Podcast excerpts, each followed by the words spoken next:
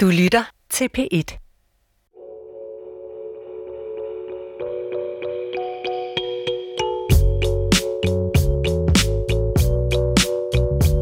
Jeg hedder Dy Plambik, og jeg er forfatter. Jeg debuterede med en digtsamling Buresø-fortællinger i 2005, og siden har jeg skrevet en række romaner, senest til min søster, der kom i maj i år. Der er nogle litteraturkritikere og læsere, der synes, at jeg skriver bøger om såkaldte skæve eksistenser og mennesker på kanten af samfundet. Og det overraskede mig, da jeg hørte det første gang, for jeg synes egentlig bare, at jeg skriver om mennesker.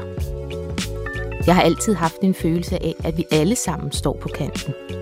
Jeg kan huske, at da jeg var barn, og også da jeg var yngre, end jeg er nu, der var jeg bange for at møde en hjemløs på Københavns hovedbanegård, der spurgte efter to kroner.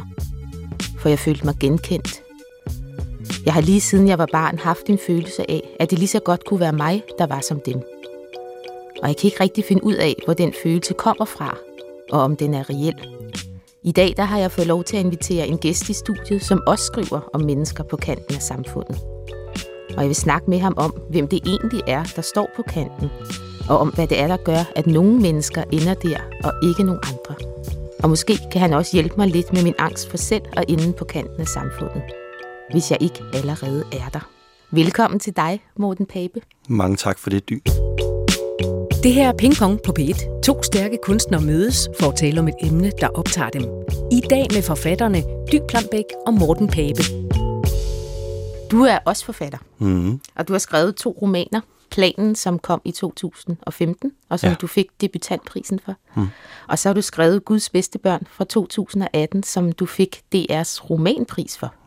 Det er rigtigt. Altså, øhm, folk siger jo også om dig, at du skriver om mennesker på kanten af samfundet. Ja, den Sådan er du jo før. også blevet karakteriseret. Mm. Og hvad, hvad siger du til det?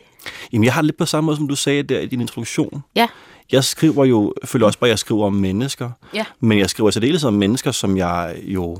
øh, De mennesker, som jeg, som jeg føler, jeg, jeg øh, kender og har kendt gennem mm. min, min opvækst. Jeg, jeg, jeg, øh, øh, og det, det er sådan lidt udefra kommende, der har karakteriseret det som værende mennesker på kanten. Øh, så jeg synes, det er en lidt... Øh, jeg tænker, det er en, en bedømmelse og en karakteristik, der bliver kastet ned over dig og mig, ja. Øh, som jeg vil tro kommer fra øh, et, et segment, der selv ikke føler sig som, en, som at være på kanten. Nogen, der ikke står ude på kanten. Ja, det bliver lidt Ja. sådan et, øh, et, et, en betegnelse, der kridter en bane op, der minder lidt om en sociologisk have, synes jeg. Ja. Og prøv, øhm, vi kender jo, vi har jo mødt hinanden før to, mm. men vi kender jo ikke hinanden så godt. Nej. Og jeg har jo læst dine bøger. Ja, Øhm, hvis du skulle fortælle mig, øh, hvor du er vokset op, ja. og hvor- hvordan det miljø var, som du voksede op i, mm. hvordan, hvad vil du så sige? Det er et miljø, der ligger ganske få meter fra, hvor vi sidder nu her. Ja. Det er byens studie. Det ligger lige på den anden side. Jeg kan huske, da jeg var barn, og de ryddede øh, Sundby, Sundby fodboldklubs øh, fodboldbaner for at bygge DR-byen mm. i sen tid. Øhm, det er et sted, der hedder Urbanplanen, Ja, som er et, øh, et almen boligbyggeri, øh, bygget til arbejderklassen tilbage i øh, 60'erne, hvor de, de rykkede ind i stor stil i løbet af slutningen af 60'erne og starten af 70'erne. Et rigtig socialdemokratisk arbejderkvarter, men som paradoxalt og trist nok endte med at blive et område, hvor rigtig mange af dem, der boede der på den ene eller anden måde, stod uden for arbejdsmarkedet. Det blev et område, hvor at øh, rigtig mange øh, nydanskere, flygtninge, indvandrere, ja. fremmedarbejdere kaldte man det dengang, øh, også blev huset. Vi var over 60 forskellige nationaliteter. Og vi var nok... Øh, vi, det endte med at blive et meget udsat boligområde, socialt udsat boligområde, øh, hvor at det var...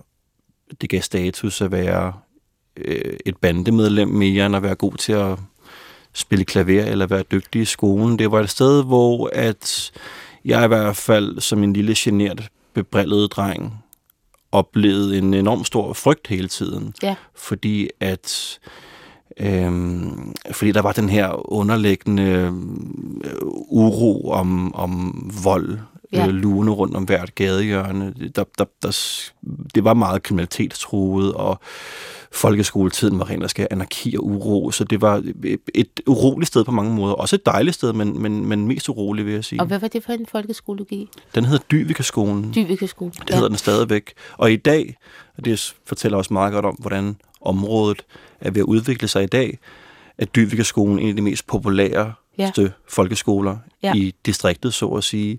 Og dengang, der var det, øh, der kunne vi godt mærke, det var lidt sådan en, en lossepladsskole. Det var der, det var, den, det var blindgydeskolen, ikke? Altså, Jo. hvor man endte, hvis man havde været alle mulige andre steder. Og hvad, du boede sammen med din mor, og du har en lillebror mm. og også en lille søster. Og er det jeg rigtigt? boede sammen med min mor, og til dels også min far, Ja. og så lillebror og lillesøster, som er henholdsvis 3 og 6 år yngre end mig. Så blev mine forældre skilt, Ja. da jeg var omkring 11 år gammel, tror jeg. Og min far flyttede væk, og så var min mor øh, ja, alene med os. Og I boede i en lejlighed? Vi boede faktisk i et lille bitte rækkehus. Okay, Der, ja. var, der er både små rækkehuse og, og, og lejligheder i urbanplanen. Ja. Øhm, og og der, der, der boede vi på Kurvemagerstien nummer 50, Ja. som blev kaldt for Ballademagerstien. Ballademassen. Og hvorfor blev den kaldt for det? For der, det var der, alle ballademærerne boede. Nej, men det, alle de der, alle, mange af de der boligområder, eller forskellige øh, blokke, havde ligesom, var opkaldt efter forskellige traditionsrige håndværk. Ja. Der var kurvemagerstien, der var hattemagerstien, der var nålemagerstien. Ja. Det var folk udefra, der gav dem de her stigmatiserende navne. De, hed, de kunne alle sammen hedde ballademagerstien. Ja. Og øh, jeg hørte også mange gange, at, at vi ikke boede i urbanplanen, men i turbanplanen. I turbanplanen, ja. Ja, så det var også, man kan sige, den selvforståelse, jeg havde området som barn, øh, kom jo også, også i høj grad fra øh, de øgenavne, der kom fra Ja. mennesker udefra, altså andre steder på Amager. Vi kunne godt mærke relativt hurtigt, at vi boede et sted, som nogen kaldte for en ghetto. Ja. At vi lidt var at, at vi tydeligvis var det sorte får i familien. Min mor var i hvert fald, fordi hun ikke havde, ligesom sin familie havde fået øh, villa og vose og flagstang og så videre. Men, Det havde hendes søskende fået? Eller? Ja, det havde, ja, Ja. ja. det havde de. Øh, hendes, hendes del af familien. Øhm, og det, det, kunne, det kunne vi især godt mærke. Det kunne jeg i hvert fald godt registrere. ja. Det var succes i første hug, da Morten Pape udgav fortællingen om sin egen opvækst i ghettoen. Romanen med titlen Planen udkom i 2015, blev belønnet med debutantprisen og siden fuldt op af romanen Guds bedste børn, der vandt DR Romanprisen i 2019. Begge bøger udspiller sig på Amager, hvor Morten Pape, der er født i 1986, voksede op. Han skriver for tiden på en tredje roman i serien om vor tids Amager, inden han efter planen vender blikket mod det historiske Amager. Sideløbende med bøgerne har Morten Pape skrevet film- og tv-manuskripter. Han er uddannet inden for film- og medievidenskab og har gået på filmskolen Super 16. Og hvad, og hvad arbejdede din mor? Og, Hun, øhm, jeg tror hun nåede at få en, en gymnasiel uddannelse, men derefter så, øh, hun fik mig, da hun var 24, tror jeg. Ja. Og der var hun vist i gang med noget, øh, hedder, det, hedder det Surs husholdningsskole, Ja. eller et eller andet inde i byen, men det droppede hun ud af, da hun fik mig. Ja. Så hun nåede aldrig at læse videre. der har min mor også gået. Ja. Ja.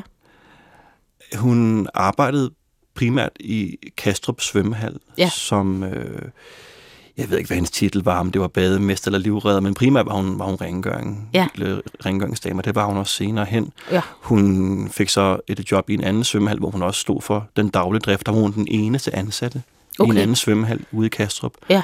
Og øhm, så har hun haft flere forskellige jobs, og da, da jeg fik debutantprisen for fire år siden, det er ja. faktisk præcis fire år siden i dag, Ja. Så gjorde hun rent ude i Bella Center og var på arbejde den dag. Nå, Han lige mens fået, du stod og fik debutantprisen. hun havde lige fået lov til at få fri en halv times tid, så hun kunne se sin søn så hun kunne gå ned og se, og så skulle hun gå tilbage og gøre rent. Præcis. Og Morten, altså jeg er jo vokset op sådan et sted, øhm, som på som er et meget anderledes sted end dit, fordi jeg er jo vokset op ude på landet, Mm. som jo ikke er så langt herfra, men jeg er vokset op ude i sådan en lille flække, øh, som hedder Buresø, som ligger op i øh, Nordsjælland, men ikke ude i Viskebæltet, men inde, Nej. sådan inde i landet og ude mod øh, Slangerup og den vej. Mm. Og det var jo sådan en lille bitte øh, sted, hvor der ikke engang gik nogen HT-busser ud. Øh, og der er jo sådan der, næsten 10 km til nærmeste S-togstation. Øhm, og det er sådan et gammelt sommerhusområde, øh, hvor folk øh, i 50'erne, og der har ligget nogle gamle gårde, der er begyndt at udstykke deres jord til mm. sommerhusgrunde sådan i 50'erne. Og min, øh, farfars bror startede faktisk med at købe et sommerhus deroppe i, i 1950'erne. Og så begyndte min fars familie at, at komme derop. Mm. Øhm, og min far købte så et hus sammen med min mor deroppe, og det bor de sådan set stadig i. Men Buresø, det er sådan et sjovt sted, fordi det netop er sådan en blanding af sådan nogle sommerhuse, og mm. så er der de der gamle gårde, som ikke længere har noget jord til sig.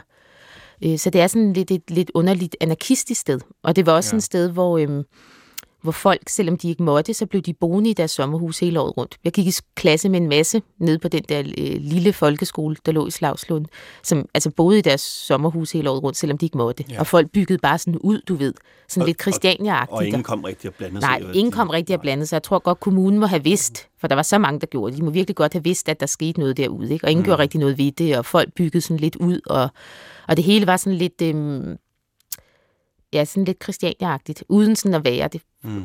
Og øhm, det, som jeg tror, det der med, at det overraskede mig, det der med, da Buresø-fortællinger så udkom, som jo er min debutbog, og som jeg altid, fordi den øh, foregår det sted, hvor jeg selv er vokset op, så tænker folk ofte, at det er sådan en meget selvbiografisk bog. Mm. Og til det, så plejer jeg altid at sige, at det er mere en selvgeografisk bog. Mm. Og det kan jo også være, at planen måske er en mere selvgeografisk bog, men ja, det er i hvert fald en, en bog, som som hvis man tog tilbage til 80'erne øh, til Buresø, så vil, øh, så vil det se ud, som, som det gør i Buresø-fortællinger. Men, øh, men mange af de ting, der foregår i Buresø-fortællinger, har ikke eksisteret i virkeligheden. Men dog så Buresø var præget af, at der boede en masse forskellige slags mennesker. Mm. Min far havde for eksempel en ven, der hed Yrsa, som var transvestit, og som boede i et folkevognsrugbrød og kørte mm. rundt, og øh, han var skærsliber. Det er jo sådan en helt øh, uddøende race. Ja. Altså han kørte rundt og slippe knive og sakse for folk. Øhm, og der var sådan nogle, en, en masse andre øh, mennesker. Og det, der interesserede, eller det, som jeg synes var sjovt, det var så, at da Buresø-fortællinger udkom, så var nogle af de der skæbner med i, i, i, øh, i bogen, mm. men som jo, de var sådan ligesom for mig sådan på, på niveau, eller sådan på linje med alle de andre mennesker, der også var. Og så var det sjovt at se lidt, ligesom du siger, at andre folk så pegede dem ud som nogle skæve eksistenser, eller som nogle orgenokker. Jeg kan også huske, der var nogen, der anmelder, der skrev, at nu havde jeg øh, skrevet en bog om orgenokker. Orgenokker. Orgenokker. øhm, og så tænker jeg, øh, altså jeg har tænkt over det her med, hvorfor er det, at du og jeg er blevet optaget af den slags mennesker, vi er blevet optaget af. Altså, vi har vokset op begge to med nogle mennesker, som andre i hvert fald ser på som om nogen, der mm. sådan står lidt uden for samfundet. Mm. Øhm, men vi kunne jo også være blevet enormt optaget af nogle folk, der boede ude i Hellerup og øh, havde en stor villa og kørt rundt i en Tesla og mm. prøvede at beskrive ligesom øh, overklassen i Danmark. Hvorfor er vi begge to nogen? Hvorfor tænker du, at du er blevet interesseret i det her med at beskrive jeg synes, det er spændende. Altså, i, i, nu kommer jeg bare til at tænke på det, du nævnte til begyndelsen med det der med, hvorfor, er det, hvorfor bliver vi øh, beskrevet som nogen, der beskriver skæve eksistenser. Det kan man vel roligt sige det, fordi vi ikke vokser op på den anden side af vejen, hvor man, man måske kunne antyde eller formode, at det bedre borgerskab boede. Ikke? Det lyder jo. ikke som om, det er sådan en gode, gamle, øh, halvkonservative borgerlige Nej. dyder, der har gjort sig gældende der. Der har ikke været mange øh, Nej, meget legusterhæk og, og, og altså, øh, øh, Friværdi og Volvo og Vose og så videre. Det, det, det lyder som om, det har været meget, ja, som du siger, sådan lidt Christiania anarkistisk Men det sjove er, at, at lidt ligesom du siger med Dyvike skole, at hvis man tager til Buresø nu, så mange af de der gamle huse der, de blev revet ned, og så ja. har folk simpelthen bygget parcelhuse med ligustahække og øh, sort glaseret øh, tegltag, der skinner mod solen og sådan noget. blevet sådan forskyllet i løbet af Nå, fordi folk køber grunden, og, og så... Ja. Nå, det var pokkers. Dy Plambæk er født i 1980, opvokset i Buresø i det nordlige Sjælland. Hun blev uddannet fra Forfatterskolen i 2004, debuterede med en digtsamling året efter og har siden da udgivet fire romaner og flere børnebøger. Den seneste roman er Til min søster, der har vagt opsigt for sin skildring af to søstres frie liv og deres erfaringer med vold, sex og moderskab. Dy Plambæk optræder jævnligt som debattør og skribent. For tiden er hun desuden medlem af det udvalg, der skal sammensætte sangene til næste udgave af Højskolesangbogen.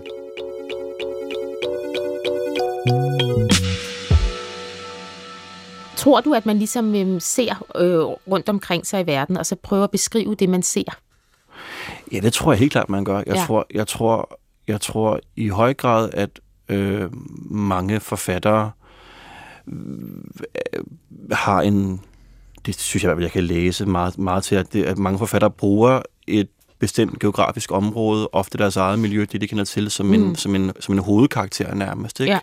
Din debut, øh, mm. digtsamling hedder Buresø fortælling, min hedder Planen. Altså, Ja. vi har ligesom allerede kridtet Ja. banen op for, at det er Ja. området, der på en eller anden måde har, Ja. altså hovedreglen er nærmest også en karakter i Mhm. sig selv. Og jeg, jeg har også selv en tendens til at falde mest for de bøger, der tager mig ind i et bestemt miljø, hvad Ja. det er hvad enten det er, øh, øh, hvad hedder det, almuen hos øh, Pontoppidans fra hytterne, eller om det er Halvdan Pitskets tegneserie om sin far, det der Pusher Christiania-miljø, ikke? Altså, Jo. så det, det, det, det, tror jeg på en eller anden måde, altså mange, jeg tror mange forfattere øh, skriver på et brændstof af noget, der er selvoplevet. Ikke nødvendigvis alle sammen skriver noget, der er selvbiografisk. Nej. Jeg tror, at både øh, du og andre forfattere kan godt lide at, at både være meget til stede i sine fortællinger, og sine romaner og sine bøger, men også gemme sig lidt. Mm. Øh, hvor man kan sige, at jeg i min første bog bare tog alt tåret af og prøvede på at være så ærlig og så en til en som overhovedet muligt. Og jeg tror netop også, at vi har skrevet om det miljø, vi kommer fra, kontra det, der lå måske lige på den anden side af vejen, eller ganske få kilometer Mm. derfra. Også fordi vi ganske enkelt synes, det er mere interessant. Ja. Og måske fordi, det kunne jeg i hvert fald, tror jeg i hvert fald, jeg har regnet mig frem til, eller sjusset mig frem til et sådan efterrationaliserende resonemang, at jeg har også skrevet om det, jeg har skrevet om, fordi jeg ikke kunne se det andre steder. Ja. Jeg, jeg, jeg, kunne, ikke, jeg, kunne, ikke, jeg kunne ikke se min flok eller mit miljø repræsenteret mange steder i litteraturen. Jeg kunne ikke se det da, i det, jeg læste i gymnasiet eller folkeskolen for Nej, eksempel. nej. Og øh, altså, jeg, jeg, jeg tænker tit på øh, en fortælling, som Erik Clausen har givet, hvor han som barn Ja. var besat af film, og så en dag var han inde og se Cykeltyven, den Ja. italienske øh, Ja. film af Vittorio Di Sica, tror jeg. Mm. Og der, der sagde Clausen, at der var vi jo. Mm. Vi var, vi var med, endelig med. Vi var med op på lærret. Vi var, vi var med i billedet. Og det var første gang, han havde set en film, der behandlede den øh, hvad skal man sige, sociale underklasse, som han selv følte sig som en del af. Og som ikke var øh, magtens tænder eller det bedre borgerskab, der ofte var, var, var øh, det miljø, han så på film. Ikke? Men jeg tænker måske også, at noget af det, der er interessant, det er jo også, eller noget af det, som i hvert fald jeg selv har reflekteret over også i mit forfatterskab, det er også det her med, at du og jeg, vi er jo ikke, selvom vi skriver om det sted, som vi kommer fra, så har vi alligevel bevæget os væk fra det. Mm. Øh, vi sidder begge to her i radioen i dag og har den her øh, samtale, og vi er begge to forfattere. Mm. Begge to fået nogle priser, vi har et forfatterskab. Det kører sådan for os. Øh, du er ikke som, øh, som dem, du beskriver i din bog. Jeg er heller ikke øh, en transvestit, der kører rundt i et øh, folkevognsrugbrød, eller hvem det nu kunne være. Det vil der- komme bag på mig, hvis du vidste, vidste hvad det. det kunne være, nu jeg afslører det, nej, men ellers sådan, men, øh, eller øh, øh, Smits venner boede også ude i Buresø, og de havde 14 børn, der boede nede i en nedlagt lejerskole, mm. eller sådan, ikke? Altså, vi er begge to ligesom kommet hen et andet sted, Ja. og, øh, og derfor så har det også, jeg har været meget optaget af det her med, hvad er det, der gør, at jeg og også dig for den sags skyld har bevæget os derhen. Ja. Altså, hvad er det, der gør, at vi to lige ender med at blive de to mønsterbrødre? Ja. Fordi jeg kommer jo også, øh, min familie er, øh, der er heller ikke nogen i min familie, der interesserer sig for, for kunst. Min Nej. familie er måske øh, en øh, klassisk middelklassefamilie. Ikke? Min mor var folkeskolelærer, min far har haft et lille entreprenørfirma. Men der er ikke nogen, der sådan har været optaget af kunst. Så jeg er sådan helt klart mønsterbryderen i familien. Mm.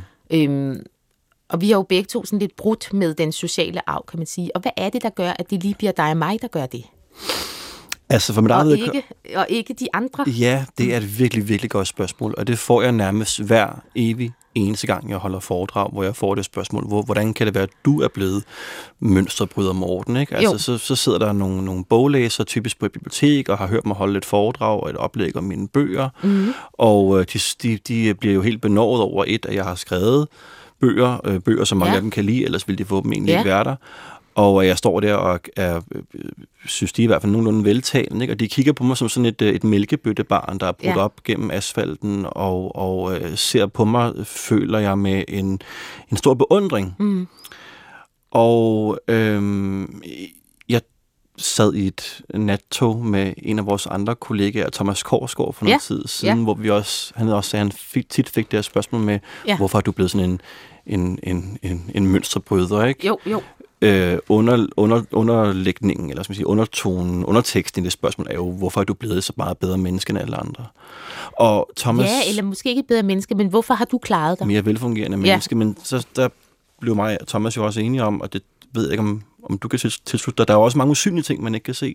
Mm. Der er også stadig sindssygt mange ting øh, fra min opvækst.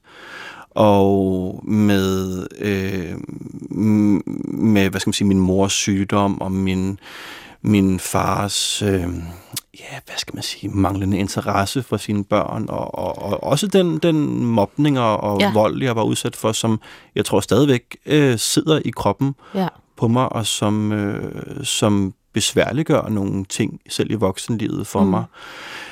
Men når jeg så endelig skal være lidt konstruktiv og svare på det, så, øhm, så ved jeg ikke, om jeg er så meget mønsterbryder, som jeg er mønsterforløser. Nej. Jeg ser mig som en, der har haft måske et vist talent og en vis evne for sprog og ord, mm. det at skrive. Det har jeg faktisk altid været god til den bedste i folkeskolen, og også mm. blandt de bedste i gymnasiet. Og det har jeg kombineret med en betragtelig indsats.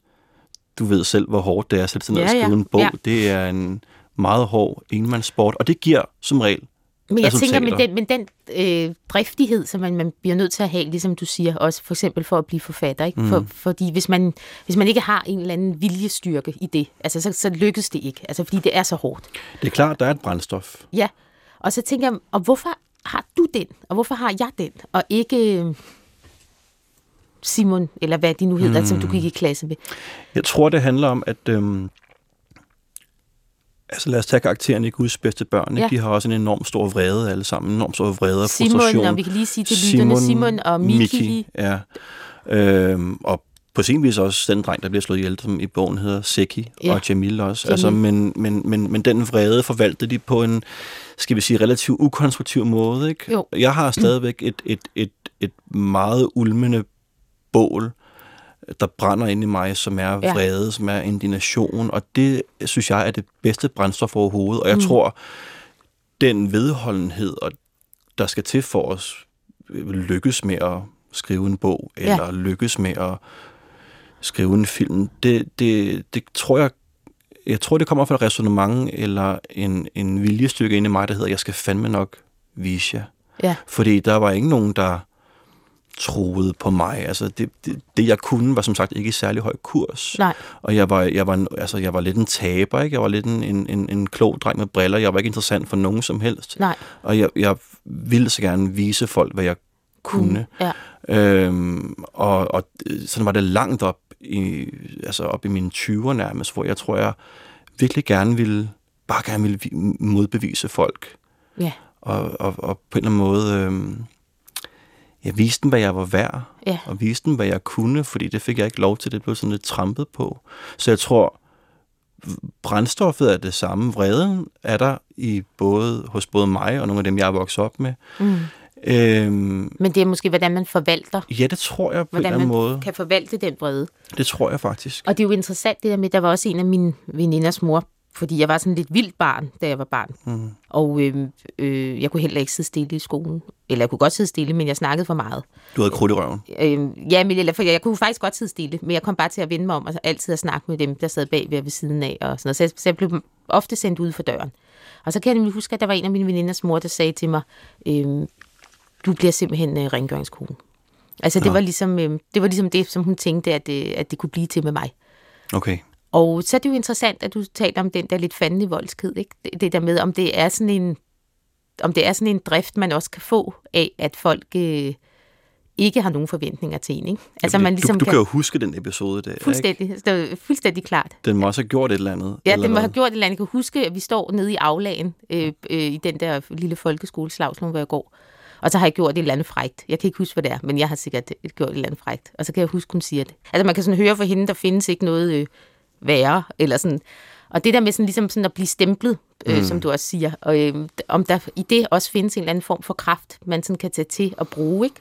Måske, fordi det kunne enten have givet dig en drivkraft for at modbevise hende, og netop sige, jeg skal fandme nok vise dig, eller ja. det, den, den negative forventning vil jeg ikke leve op til. Ja. Eller det kunne have slået ud af kurs. Fuldstændig. Altså det kommer også, der tror jeg også, der kommer nogle andre ting i spil, der handler om øh, resiliens og robusthed, og mm. en, vel også en mental karakter af en eller anden, en eller anden art. Ja. Fordi at øh, jeg kan jo også, når jeg tænker tilbage, tænke på, at, at der, der var ikke nogen positive forventninger til nogle af mine kammerater. Nej. Fordi de også, altså de var meget vilde i skolen, og de, de sørgede ligesom for at spolere hele folkeskolesystemet, så de ikke skulle, Ja. øhm, øh, så de ikke skulle eksponeres for, hvor dårlige de var i skolen i virkeligheden. Mm. Mange af dem var meget fagligt øh, svage. Og jeg kan huske, da vi var færdige med folkeskolen, så en af mine kammerater, en, en af dem, som lavede allermest ballade, ikke? Altså, så skulle vi ligesom videre i teksten, og mange skulle på teknisk skole, og nogen skulle i gymnasiet, og så spurgte vi ham, hvad han skulle, og så sagde han, men jeg skal bare sove længe. Ja. Altså, han Ja. havde, altså der, der var ligesom ikke nogen, der havde Nej. troet på ham, eller Nej. givet ham et lille skub, eller øh, altså indgivet nogen som form for ambitionsmuligheder i ham. Der var ligesom... Øh, han Ja. vidste, at han, han havde bare fået at vide, at han, han var udulig hele tiden. Ikke? Og enten kunne han have taget det, og, og brugt det som brændstof for at modbevise sine Ja. ja. kritikere i virkeligheden. Ja. Eller han kunne lade sig slå ud af det, og det gjorde han til at begynde med, men i dag har han forvaltet det meget, meget flot, synes jeg faktisk. Ja.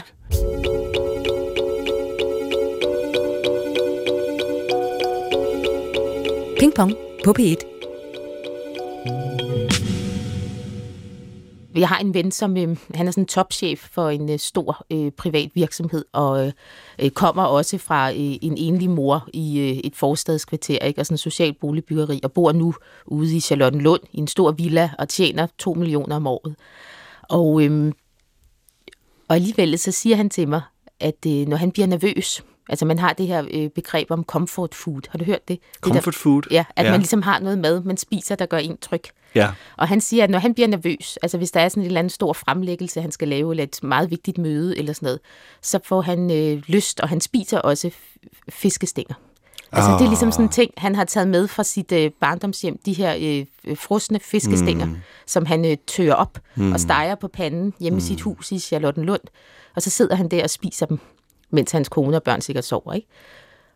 Det er interessant, for der er næsten ikke noget, der skriger mere proletar end fiskestænger, vel? Nej. Altså, nej. Men har du så noget fiskestænger mm. i dit øh, liv? Det er det, som jeg synes er interessant med det, og som jeg blev mærke i, da han fortalte mig, det er, at der er alligevel også en stor tryghed i det, man vokser op med. Ikke? Mm. Selvom det også, ligesom du siger, det har været voldeligt, og det har mm. været øh, frygtsomt og sådan nogle ting.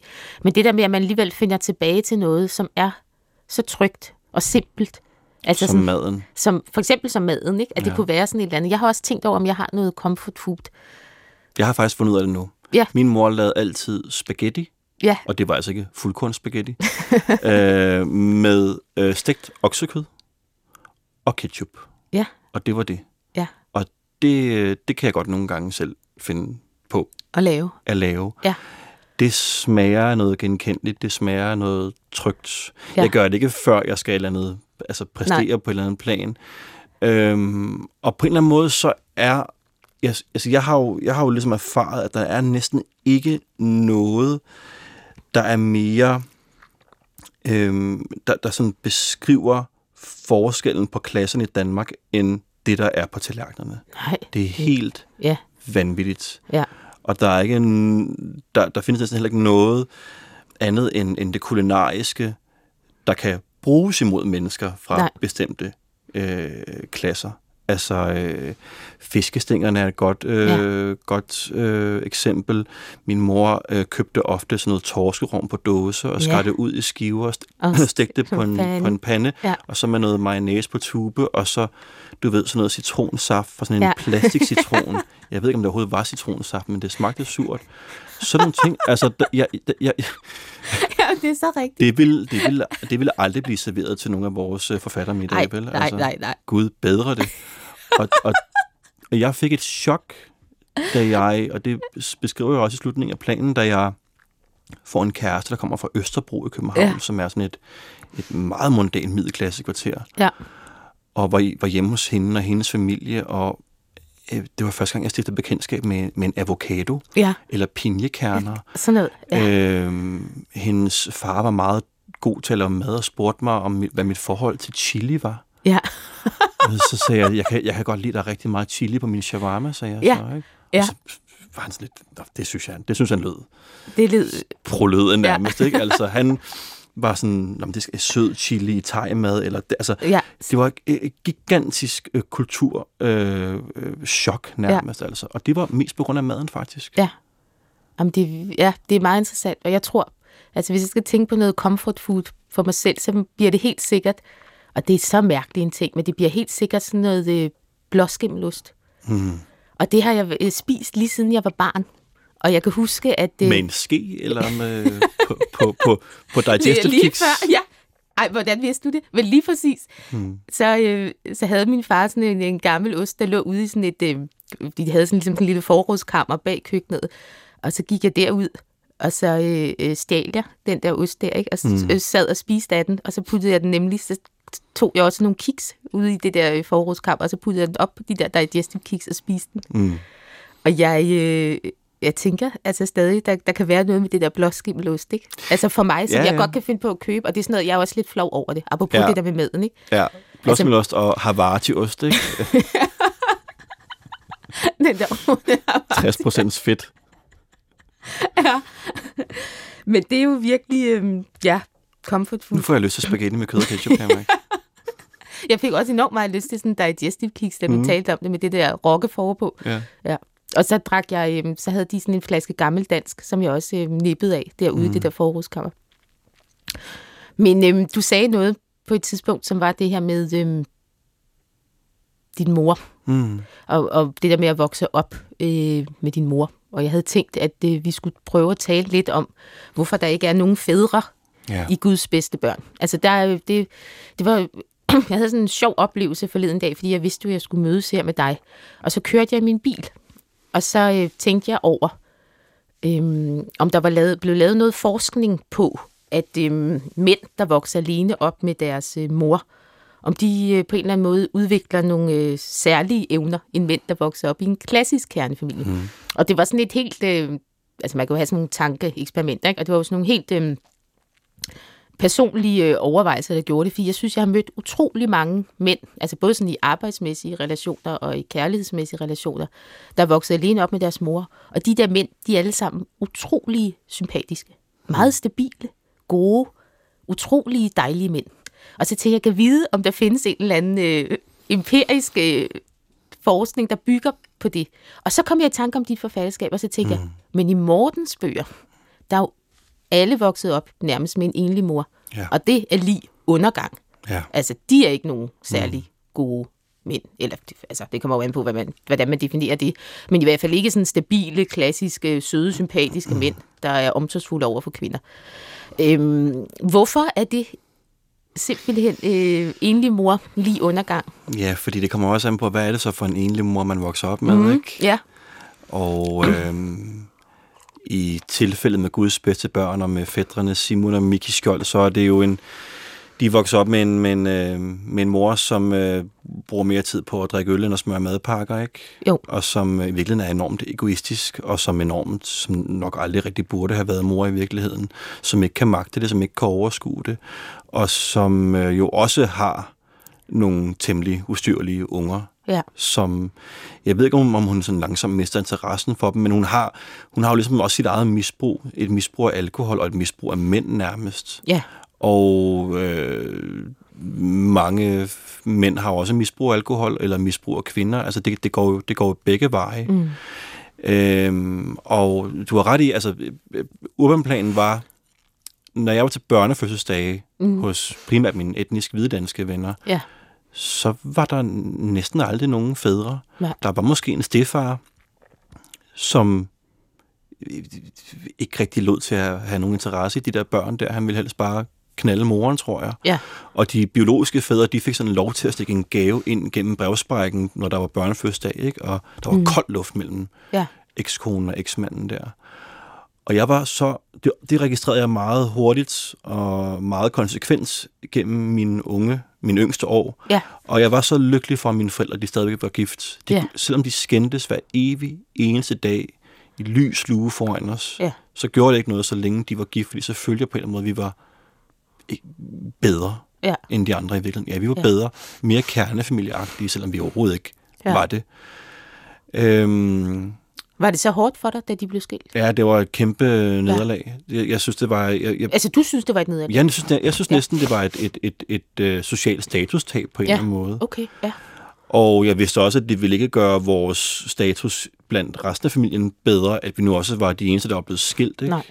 Altså, det var på en eller anden måde... Altså, at en, jeg følte, øh, at det var et nederlag på vegne af vores familie. Ja. Og jeg var frygtet, at vi ville ende ligesom alle de andre. Jeg frygtede også, at min far en dag ville stå med En gave. en gave gennem Ja. postbrækken. Ikke? Altså, men der sagde min mor til mig dengang, at det, det, det skulle jeg ikke regne med, fordi min far han var anderledes. Ikke? Men han Jo. blev så også mere og mere øhm, ja, prioriteret anderledes. Ikke? Og Jo. ville hellere være sammen med kvinden, der boede i rækkehusblokken lige over for os, øhm, end at være sammen med os. Vi havde de der farweekender hver 14. Dag, dag, og det, ja. var, det var rigeligt.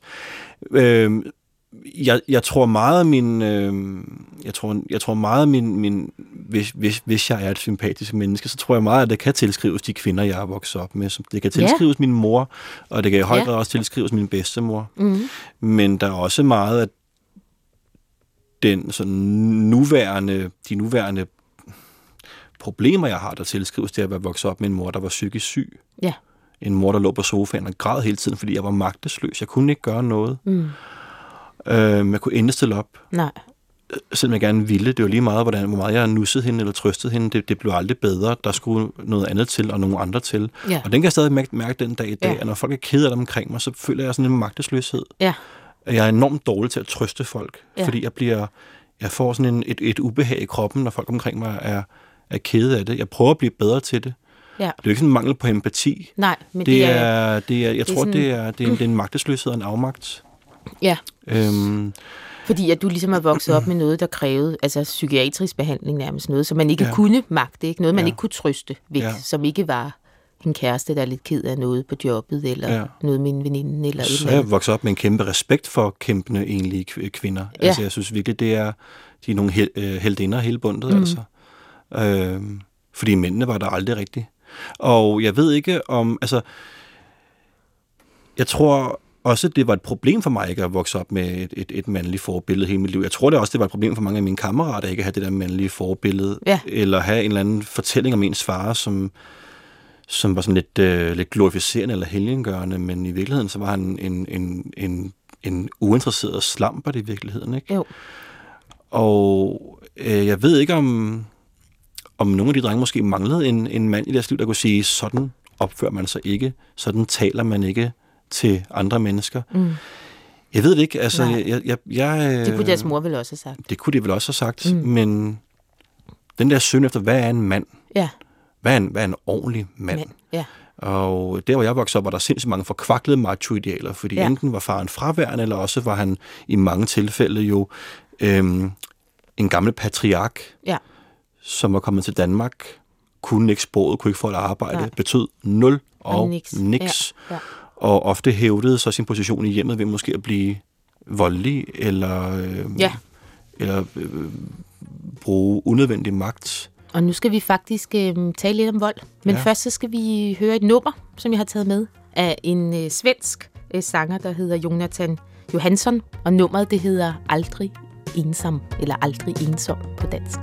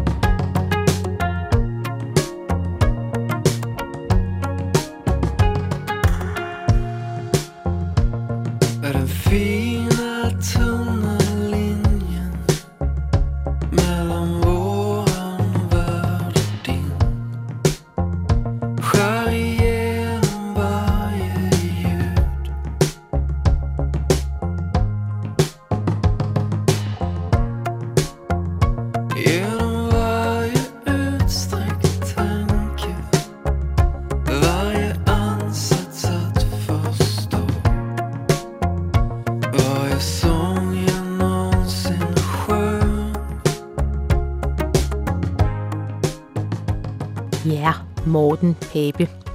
Øhm, det var jo et nummer af Jonathan Johansson, som hedder Aldrig Ensom.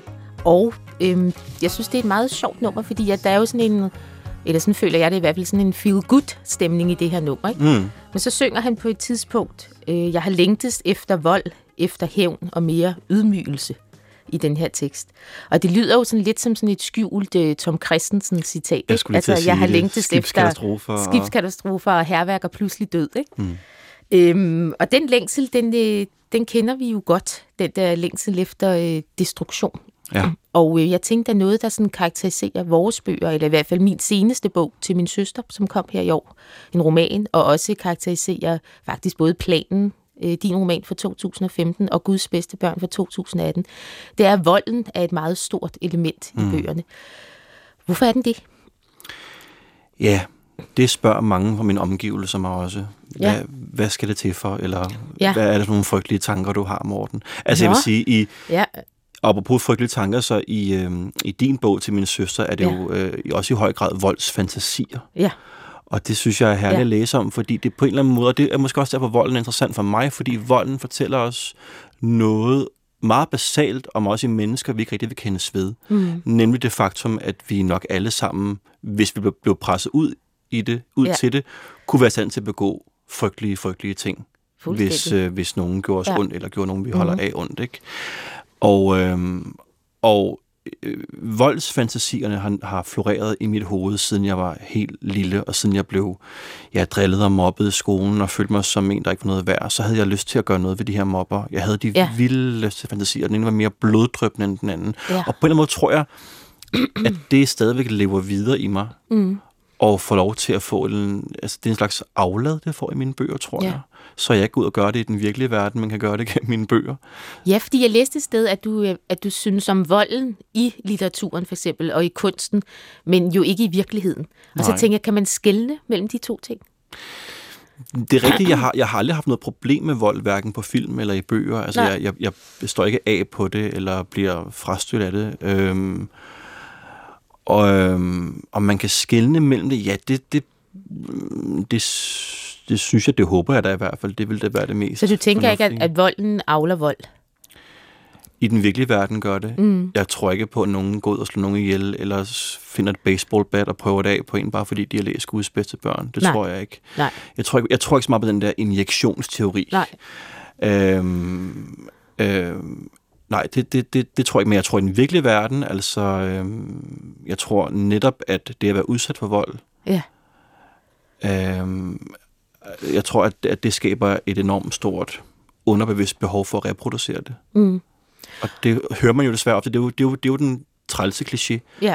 at øh, den, der begår vold, selv er blevet udsat for det i sin barndom eller Ja. opvækst. Men den er jo, det, der er jo en grund til det, ikke? Jo, Det giver den, der meget mening. krænket, bliver selv krænker, og så videre. For eksempel. Men man kan jo sige, jeg tror, du har ret i det der. Det har jeg også selv tænkt om i forhold til at skrive øh, til min søster. Det her med, at volden ligesom bor i os alle. Øh, både kvinder og mænd for den sags skyld. Og i min roman, der er også både mænd, der er voldelige og begår partnervold mod øh, en kvinde. Men de her kvinder, de her to søstre, som romanen handler om, de er også selv voldelige. Øh, den ene ejer har, øh, hun er historiker, hun har de her hævnfantasier om, hvordan hun kan slå sin søsters ekskæreste Mark ihjel, og øh, hvordan hun kan partere ham, og hvordan hun ligesom kan gøre det af med ham, skyde ham og stikke ham ned Det er kniv. fantastisk. Ja, altså ja. hun har mange fantasier om, hvordan hun kan gøre det af med den her mand. Øhm, fordi han jo ligesom har udøvet vold mod hendes søster, og det føler hun sig enormt indineret over. Og du sagde også på et tidligere i dag, det her med at skrive på indignation, mm. og skrive på smerten, også snakkede vi om. Øhm, hvorfor skriver vi, eller hvorfor skriver du på, på vreden og smerten, og det der med at være indineret? Fordi hvis den ikke var der, så tror jeg ikke, jeg havde, jeg havde noget incitament til at skrive. Så Nej. tror, jeg, så tror jeg ikke, jeg havde den her følelse af at blive kvalt, hvis jeg ikke skrev, eller ikke kunne udtrykke mig. Altså hvis jeg havde haft et helt almindeligt, stille og roligt, småkedeligt, halvborgerligt liv, så tror jeg, jeg ikke, jeg var, havde siddet her sammen med dig i dag. Jeg havde Nej. i hvert fald overhovedet ikke udgivet bøger. Da, øhm, Så er, altså, er det der med at skrive også en måde at få afløb for volden på? ja, Altså tror det der ja. med at skabe, altså, altså er det en ventil? Ja, nu, nu sagde jeg afladet før, men jeg mener Ja. selvfølgelig afløb. Ja, Ja. Det tror jeg. Ja. Jeg tror det for mig er det helt klart en, øh, en, en ventil. Ja, Og, øh, og det er på en eller anden måde også, jeg kan, ikke, jeg kan nok ikke heller komme ud om, at det, der også er en vis sådan, fascination over det. Vi har en forfatterkollega, der hedder Kim Leine, som Ja. påstår, at alle mænd på et eller andet tidspunkt har haft lyst til at slå et andet menneske ihjel. Kun mænd, ikke kvinder. Han siger mænd, men det er også nok også fordi, at han, den bog, han refererer til, handler om, om mænd, der gør det, mænd, der er i Ja. krig. Mænd, der er krig. Ja. Øhm, jeg tror da helt sikkert også, der er mange kvinder, der har haft lyst til at slå andre personer det ihjel. tror jeg også. Øh, så der er ligesom en eller anden, og, og, det, og måske handler det ikke så meget om, at, at man gerne vil gøre det, fordi nogen har gjort en ondt. Måske også bare tanken og fascinationen af, hvordan det egentlig føles Ja, at tage et andet liv. ja. Øh, øh, Så- hvorfor, hvor, hvorfor er volden spændende for dig? Du har også skrevet om sådan Mhm. maskuline fællesskaber, Ja, ikke? Også og krig krigen og før alt skrev jeg en, en, før det til min søster udkom, så kom Michael, som er en roman, der foregår i Afghanistan, Mm. mm. øh, og det handler om krigen i Afghanistan. Jamen, jeg tror, jeg synes, volden er spændende, fordi øh, ligesom jeg sagde før, at den lever i os alle sammen. Altså lidt ligesom du også siger, det her med, at vi, vi kan alle sammen blive drevet derud, hvor øh, vi i værste tilfælde begår noget meget voldeligt. Og hvad Mm. stiller man op med den viden om sig selv som menneske? At hvis jeg bliver drevet langt nok ud, så kan jeg forlade det. Det er også sådan et sted, hvor vi forlader det, som vi egentlig tænker er meget menneskeligt. Altså, vi slår ikke hinanden. Altså, mm. vi er civiliseret. Mennesker er civiliseret, vi slår ikke hinanden. Vi slår slet ikke hinanden ihjel. Mm. Det er jo ligesom noget, vi alle sammen vokser op med. Det der med, at man må ikke slå ihjel, det er et af de ti bud. Vi vokser alle sammen op med den sætning. Ja. Og i den, man kan sige, den lille skala af det der med at slå ihjel, det er jo at slå nogen, ikke? Der, ligger man, der er man allerede i gang med at udøve vold mod nogle andre. Så jeg synes, det der sted, hvor, hvor vi forlader øh, civilisationen, øh, er rigtig spændende. Eller også er volden et evolutionært skridt. Jeg tænker Ja. tit på øhm, åbningssekvensen i Stanley Kubricks Rumrejsen 2001, hvor mm. der er alle de her aber. Der. Ja. der er sådan nogle abegrupper, der er i krig med hinanden. Ja. Og de råber og skriger af hinanden, og de kæmper om territorie, men det er først, da en af aberne øh, finder en knogle fra et, øh, et, et, et ådsel, Ja. og bruger det som våben og slår et, en anden abe ihjel med, altså bruger det som slagvåben. Det, det, på en eller anden måde er det et billede på, hvordan de tidligste mennesker opdager volden som magtmiddel i virkeligheden. Ja. Og volden som en, en, en håndfæstelse, og volden som et som, ja, våbner i det hele taget. Ikke? Jo, Og på den måde rykker de videre, på den måde øh, overtager de den her, altså bekæmper ja. den her anden gruppe. Altså der er også noget sådan, der er også noget darwinistisk over volden, synes Ja. jeg. Og det, ligesom du siger, en magtdemonstration ja. også. Ikke? Men jeg tænker, altså, jeg kan huske, jeg talte på et tidspunkt for lang tid siden med en drabschef om det, det her med vold, hvor han ligesom også har den der teori, lidt ligesom du sagde tidligere også, at, øhm, at i yderste konsekvens, så kan vi alle sammen øh, slå et andet menneske ihjel. Men det er ikke også alle sammen, der bliver mordere, som han siger. Mm. Vi kan sagtens gå gennem livet, uden at slå nogle mennesker ihjel. Ja. Øhm, og som jo også gør op med de der forestillinger, vi har om, hvem morderen er. Og som han sagde, så en, en drabsmand er meget ofte en familiefar i affekt. Mm. Altså en jaloux ekskæreste. Ja, du, du, der står, at den mest, den den mest ja. Ja. mortroede person i hele verden er en kvinde, der er gået for sin mand. Er ikke? den mest mortroede person i Danmark, ja. Det er Ja. ja. rigtigt. Øh, Det er en kvinde, der lige har forladt sin mand. Man kan simpelthen ikke være mere mortroet. Nej. Så kan man, øh, altså i forhold til de der høre om, man må ikke gå alene hjem, og alle de der forskellige ting, man kan høre. Men det, altså egentlig, hvis man skal undgå at blive slået ihjel, så skal man lade være med at gifte sig med en mand, eller man skal i hvert fald lade være for at lade ham. Tror du, det- tror du, det er der, hvor der er så mange kvinder, der bliver voldelige ægteskaber? Eller voldelige forhold i det hele taget? Nej, der tror jeg måske mere, at det har noget med de der mekanismer at gøre, ikke? At man ja. tror på det. Altså det er jo også på en eller anden måde, at der er jo også så meget håb, ikke? Altså vi mennesker, vi er også så sindssygt afsindige, åndssvage, håbefulde, ikke? Jo. Altså, fordi jeg tror, eller jeg har jo også øh, lavet noget arbejde for Dan, og jeg kan ligesom høre de fortællinger, som mange af de kvinder, som jeg har snakket med, der har levet de her voldelige forhold, de fortæller jo om det der håb. Jamen, jeg, jeg tænkte, han var jo også sød. Det må jeg tænkte blive jo, bedre. Ja, og jeg tænkte jo også, altså han, han gav mig jo også den der ring, og han sagde jo også de der Han havde jo ting. også nogle gode sider. Jamen det havde han jo, og det er jo det, der er det, altså det, er jo det, der er det vilde også ved mennesket. Det er jo, mennesker er komplekse. Mennesker er jo aldrig kun onde. Hvis, der, hvis en menneske kun var ondt, så vil man jo gå væk fra det. Eller sådan. Men fordi der også hele tiden er et eller andet håb om at få kontakt. Ej, at skabe kontakt til et andet menneske. Ikke? Og være i den der kontaktfuldhed.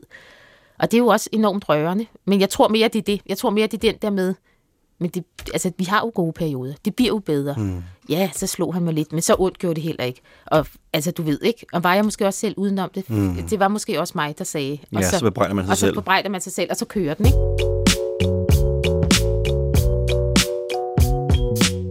Forfatter Dy Plambæk har inviteret sin kollega Morten Pape til Ping Pong på P1.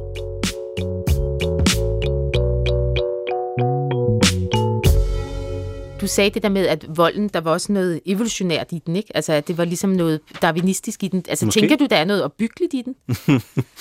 Øh, nej, det, det, det, det, det tænker jeg ikke. Jeg, jeg, men, men jeg tænker netop, at, at, at øh, igen for at referere til den der scene fra starten af rumrejsen 2001, jeg synes på en eller anden måde, den på meget fin vis beskriver netop ja, volden som noget iboende i os alle sammen. Ja.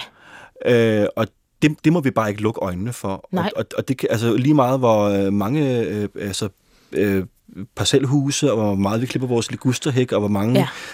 badmintonklubber, vi melder os ind i, altså, så, så må vi bare ikke glemme, at den, den ligger der i, i os alle sammen. Jeg har været en helt, ikke en hel del, jeg har været to gange i Rwanda inden for det sidste Ja. halve års tid. Fordi jeg er meget øh, interesseret i det folkemord, der skete der i Ja. 94, Ja. hvor helt almindelige mennesker Ja. fra den ene dag til den anden myrdede deres naboer, Ja. og mange af dem på sådan den mest bestialske måde. Ja.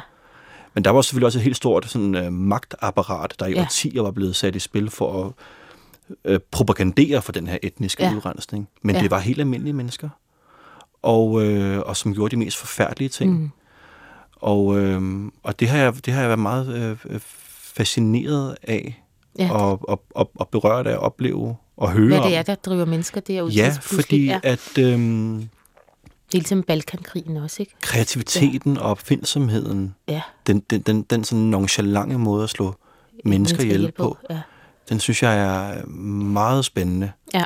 Og øhm, øh, igen, apropos de der voldsfantasier, det, ikke? Altså, Ja. man kan også blive meget kreativ i sine voldsfantasier. Ja. Det kunne jeg i hvert fald Ja. i høj grad blive. Ikke? Ja. Øhm, hvad siger det om os? Og hvad siger det om, om vores evne til netop at blive skubbet ud over den her famøse kant, Kant, der ja. gør, at man ikke alene mister foragten for det andet menneskeliv, men også, som i stort tilfælde jo også øh, gør sig gældende, at man kan forsvare det. Mm. Ikke? Altså en, man siger jo, en, en, en hver god skurk er jo en held i sine egne øjne. Ja. Ja, og det der med, som du siger, hvad er det, der gør, at vi bliver skubbet ud over den der kant, ikke?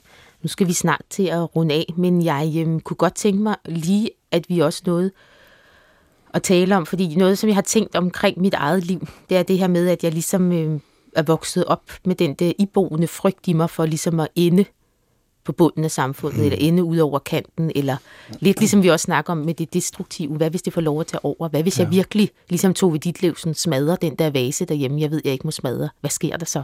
Altså både den der længsel, man kan have imod det, og samtidig også den der frygt for, hvad er det, der bor i en selv? Ja. Og hvor kan det drive mig hen? Og så har jeg tænkt over det med, altså samtidig så har jeg alligevel valgt, apropos øh, Ligusterhængen og parcelhuset, så har jeg alligevel valgt at blive øh, forfatter. Mm. Øh, og leve sådan en usikker tilværelse, ikke? Leve sådan en tvivlens sted. Jeg ved ikke, øh, hvad, nu har jeg lige skrevet en bog, jeg ved faktisk ikke, hvad jeg skal skrive nu, og hvad, jeg ved heller ikke, hvad jeg kommer til at tjene til næste år. Jeg har slet ikke nogen pensionsopsparing.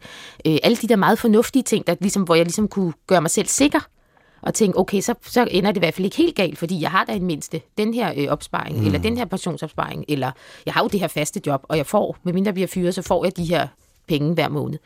Så har jeg alligevel valgt at leve sådan et liv, som jo faktisk er lidt ude på kanten, ikke? hvor man ikke ved, hvad der sker. Hvad er det for et sted at være for dig? Du er der jo også. Altså, er det, er det ikke lidt sådan, uden at lyde alt for romantisk, er det ikke lidt sådan kunstnerens kald? At man skal, altså, at det er lidt på kanten lige meget hvad. Altså, det er jo... Øh, Jo. det, det kommer an på, hvad man, hvad, hvad man præsterer, og om den kunst, man sætter ud i verden, møder et, et publikum, ikke? Altså, om den, om, om den lever. Men jeg tænker på, om der, om der er noget i det der sted, hvor jeg også trives derude mm. på kanten, samtidig med, at jeg frygter den, og om det måske er det, altså den der nysgerrighed, altså det der sted mellem nysgerrigheden og frygten, der gør, at jeg kan skabe noget faktisk. Det tror jeg bestemt. Jeg tror, for vores begge, begges vedkommende, tror jeg, at det der med at vokse op i sådan et øh, grænseløst landskab, i Ja. de tilfælde, mm. sådan lidt sådan anarkistisk Ja. ja. Christiania-miljø, hvor at, øh, man bare lidt gjorde, som der passede en. ikke? Ja. Og i mit tilfælde, hvor at, altså, lov og orden var en by i Rusland. Ja. Øhm, og hvor ens personlige grænser blev skubbet hele tiden. Der tror jeg mm. på en eller anden måde, at, at det, det, det, det skaber sådan et lidt, lidt uvægtigt, øh, uligevægtigt kompas, Ja. Øh, som jeg, jeg i hvert fald drages meget imod, men som jeg også skal holde i armslængde, kan jeg Mm. mærke, fordi ellers så falder jeg fuldkommen ud over kanten, og så gør jeg meget, meget dumme ting, hvilket jeg også har gjort før. Den der grænsesøgende adfærd, når man selv er blevet udsat for måske grænseoverskridende. ja. Øh, det, det tænker jeg, men jeg tror også, at det er det rum i litteraturen, når vi skriver, og det er derfor, vi skriver de bøger, vi gør. Ja. At jeg tror, det er på grund af, igen, det vi er, vores, vores opvækst-DNA i virkeligheden, tror jeg. Og jeg synes, at i den her samtale, at det der med, at vi sådan har øhm, rundet de der forskellige ting, og du sagde noget tidligere også, det der med, at vi må ikke, altså lige meget, hvor mange badmintonklubber vi melder os ind i, og øh, hvordan vi klipper vores hæk, så må vi ikke glemme det der mørke, som findes i os alle sammen. Og det synes jeg faktisk er meget rigtigt. Og, øhm, og det gør jo netop det der med, at vi måske også alle sammen står ude på kanten, ikke? på trods af, at vi klipper vores hæk, og vi øh, køber en øh, god øh, familievenlig bil og sådan nogle ting. For alle mennesker er tilværelsen enormt skrøbelig, tror jeg. Ja, og det, det er jo det, der er interessant ved os mennesker, ikke? at vi sådan lever vores liv, som om vi har kontrol over det. Ikke? Ja. Og det har vi jo i bund og grund ikke. Vi har ikke kontrol. Vi forsøger bare at navigere rundt i det, men ja. altså, der skal ganske få ting til, så kan det hele vælte, tror jeg. For alle. Morten Pape, tak fordi du kom. Selv mange tak. Det var en fornøjelse. I lige måde.